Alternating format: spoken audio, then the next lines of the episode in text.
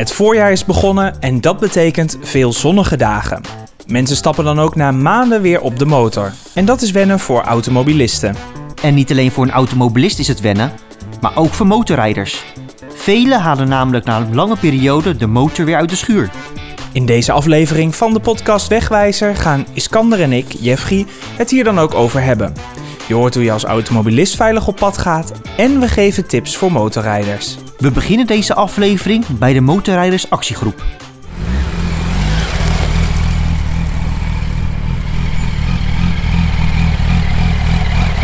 Ik ben Hugo Pinksterboer van de Motorrijders Actiegroep.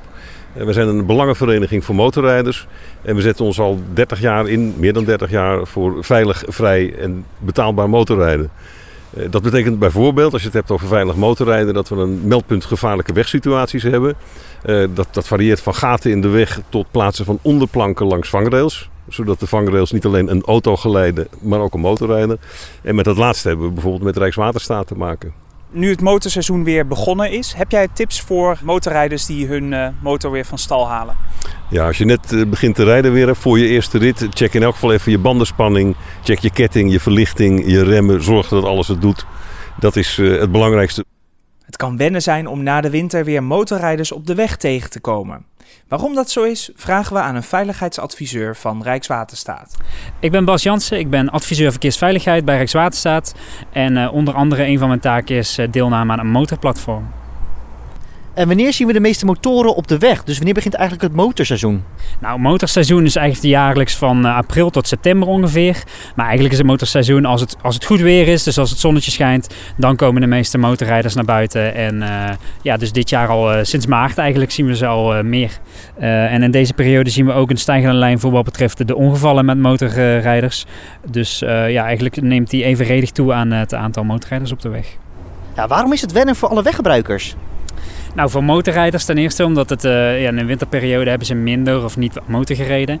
Dus weer even wennen eh, op de motor te zitten en op te letten in het verkeer. En ook voor automobilisten is het weer wennen. In de winterperiode hebben ze natuurlijk een hele lange tijd niet gezien.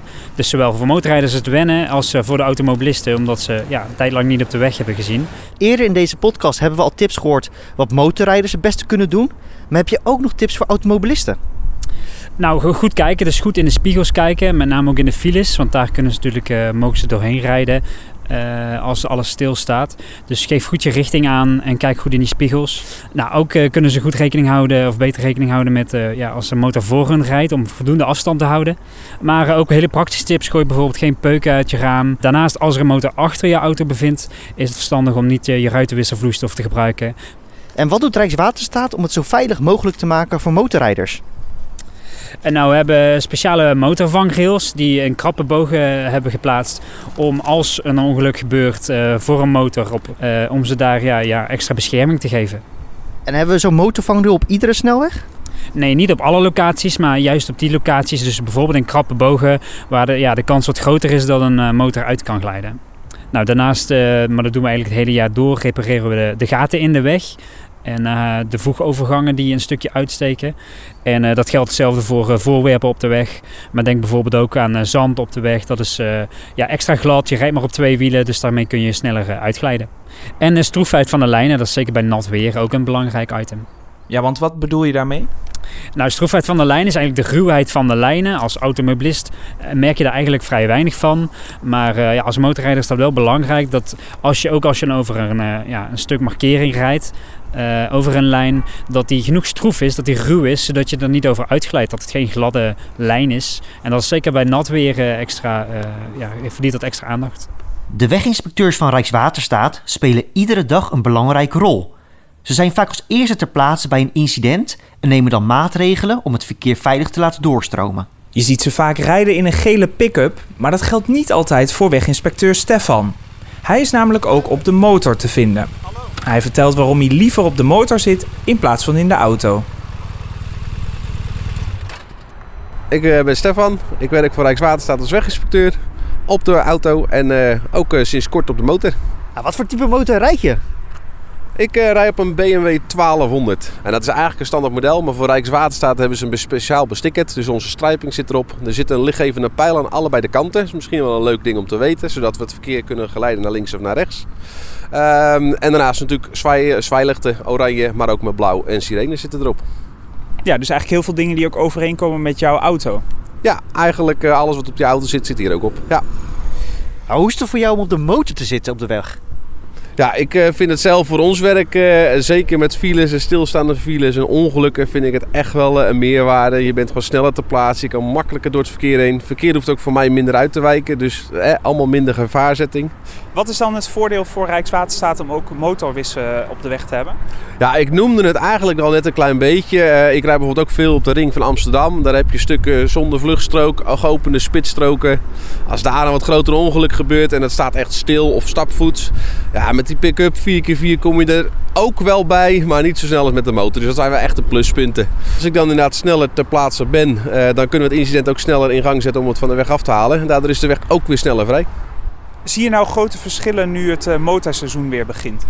Uh, het grote verschil wat ik wel zie is dat mensen niet gewend zijn aan de motorrijders. Motorrijders zijn natuurlijk een stuk kleiner van stuk. Zie je sneller over het hoofd. En ja, de motor zit zo bij je. Dus voor de automobilist is het inderdaad goed spiegelen. Ook uiteraard voor de motorrijder zelf. Je zal maar net zien dat je op een zonnige dag stil komt te staan met pech. Wat kun je als motorrijder dan het beste doen? Ja, eigenlijk hetzelfde als een automobilist. Zet hem zo ver mogelijk op de vluchtstroken naast de geleiderrail als die aanwezig is. Stap af, uh, ga 50 meter voorbij je voertuig staan als er geen mogelijkheid is om netjes in de berm te staan. En uh, bel 112. Dat mag altijd als je op de snelweg stil komt te staan. En zijn er nog zaken waar motorrijders extra op moeten letten? Uh, nou ja, denk bijvoorbeeld als het gaat regenen en het is een tijd droog geweest hè, met het mooie weer. Dan kan het wat, weg wat glad zijn. Uh, dan krijg je een mooi schuimlaapje op het wegdek. Dat is eigenlijk een beetje olie, rubber, bandenresten. En dat kan glad zijn voor de motorrijders, dus let daar goed op. Jongens, ik ga er weer vandoor. Werk ze vandaag.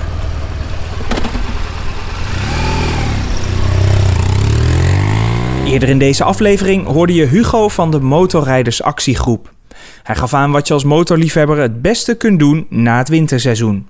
Heb je deze tips opgevolgd en de motor van stal gehaald? Dan is het hoog tijd om op pad te gaan.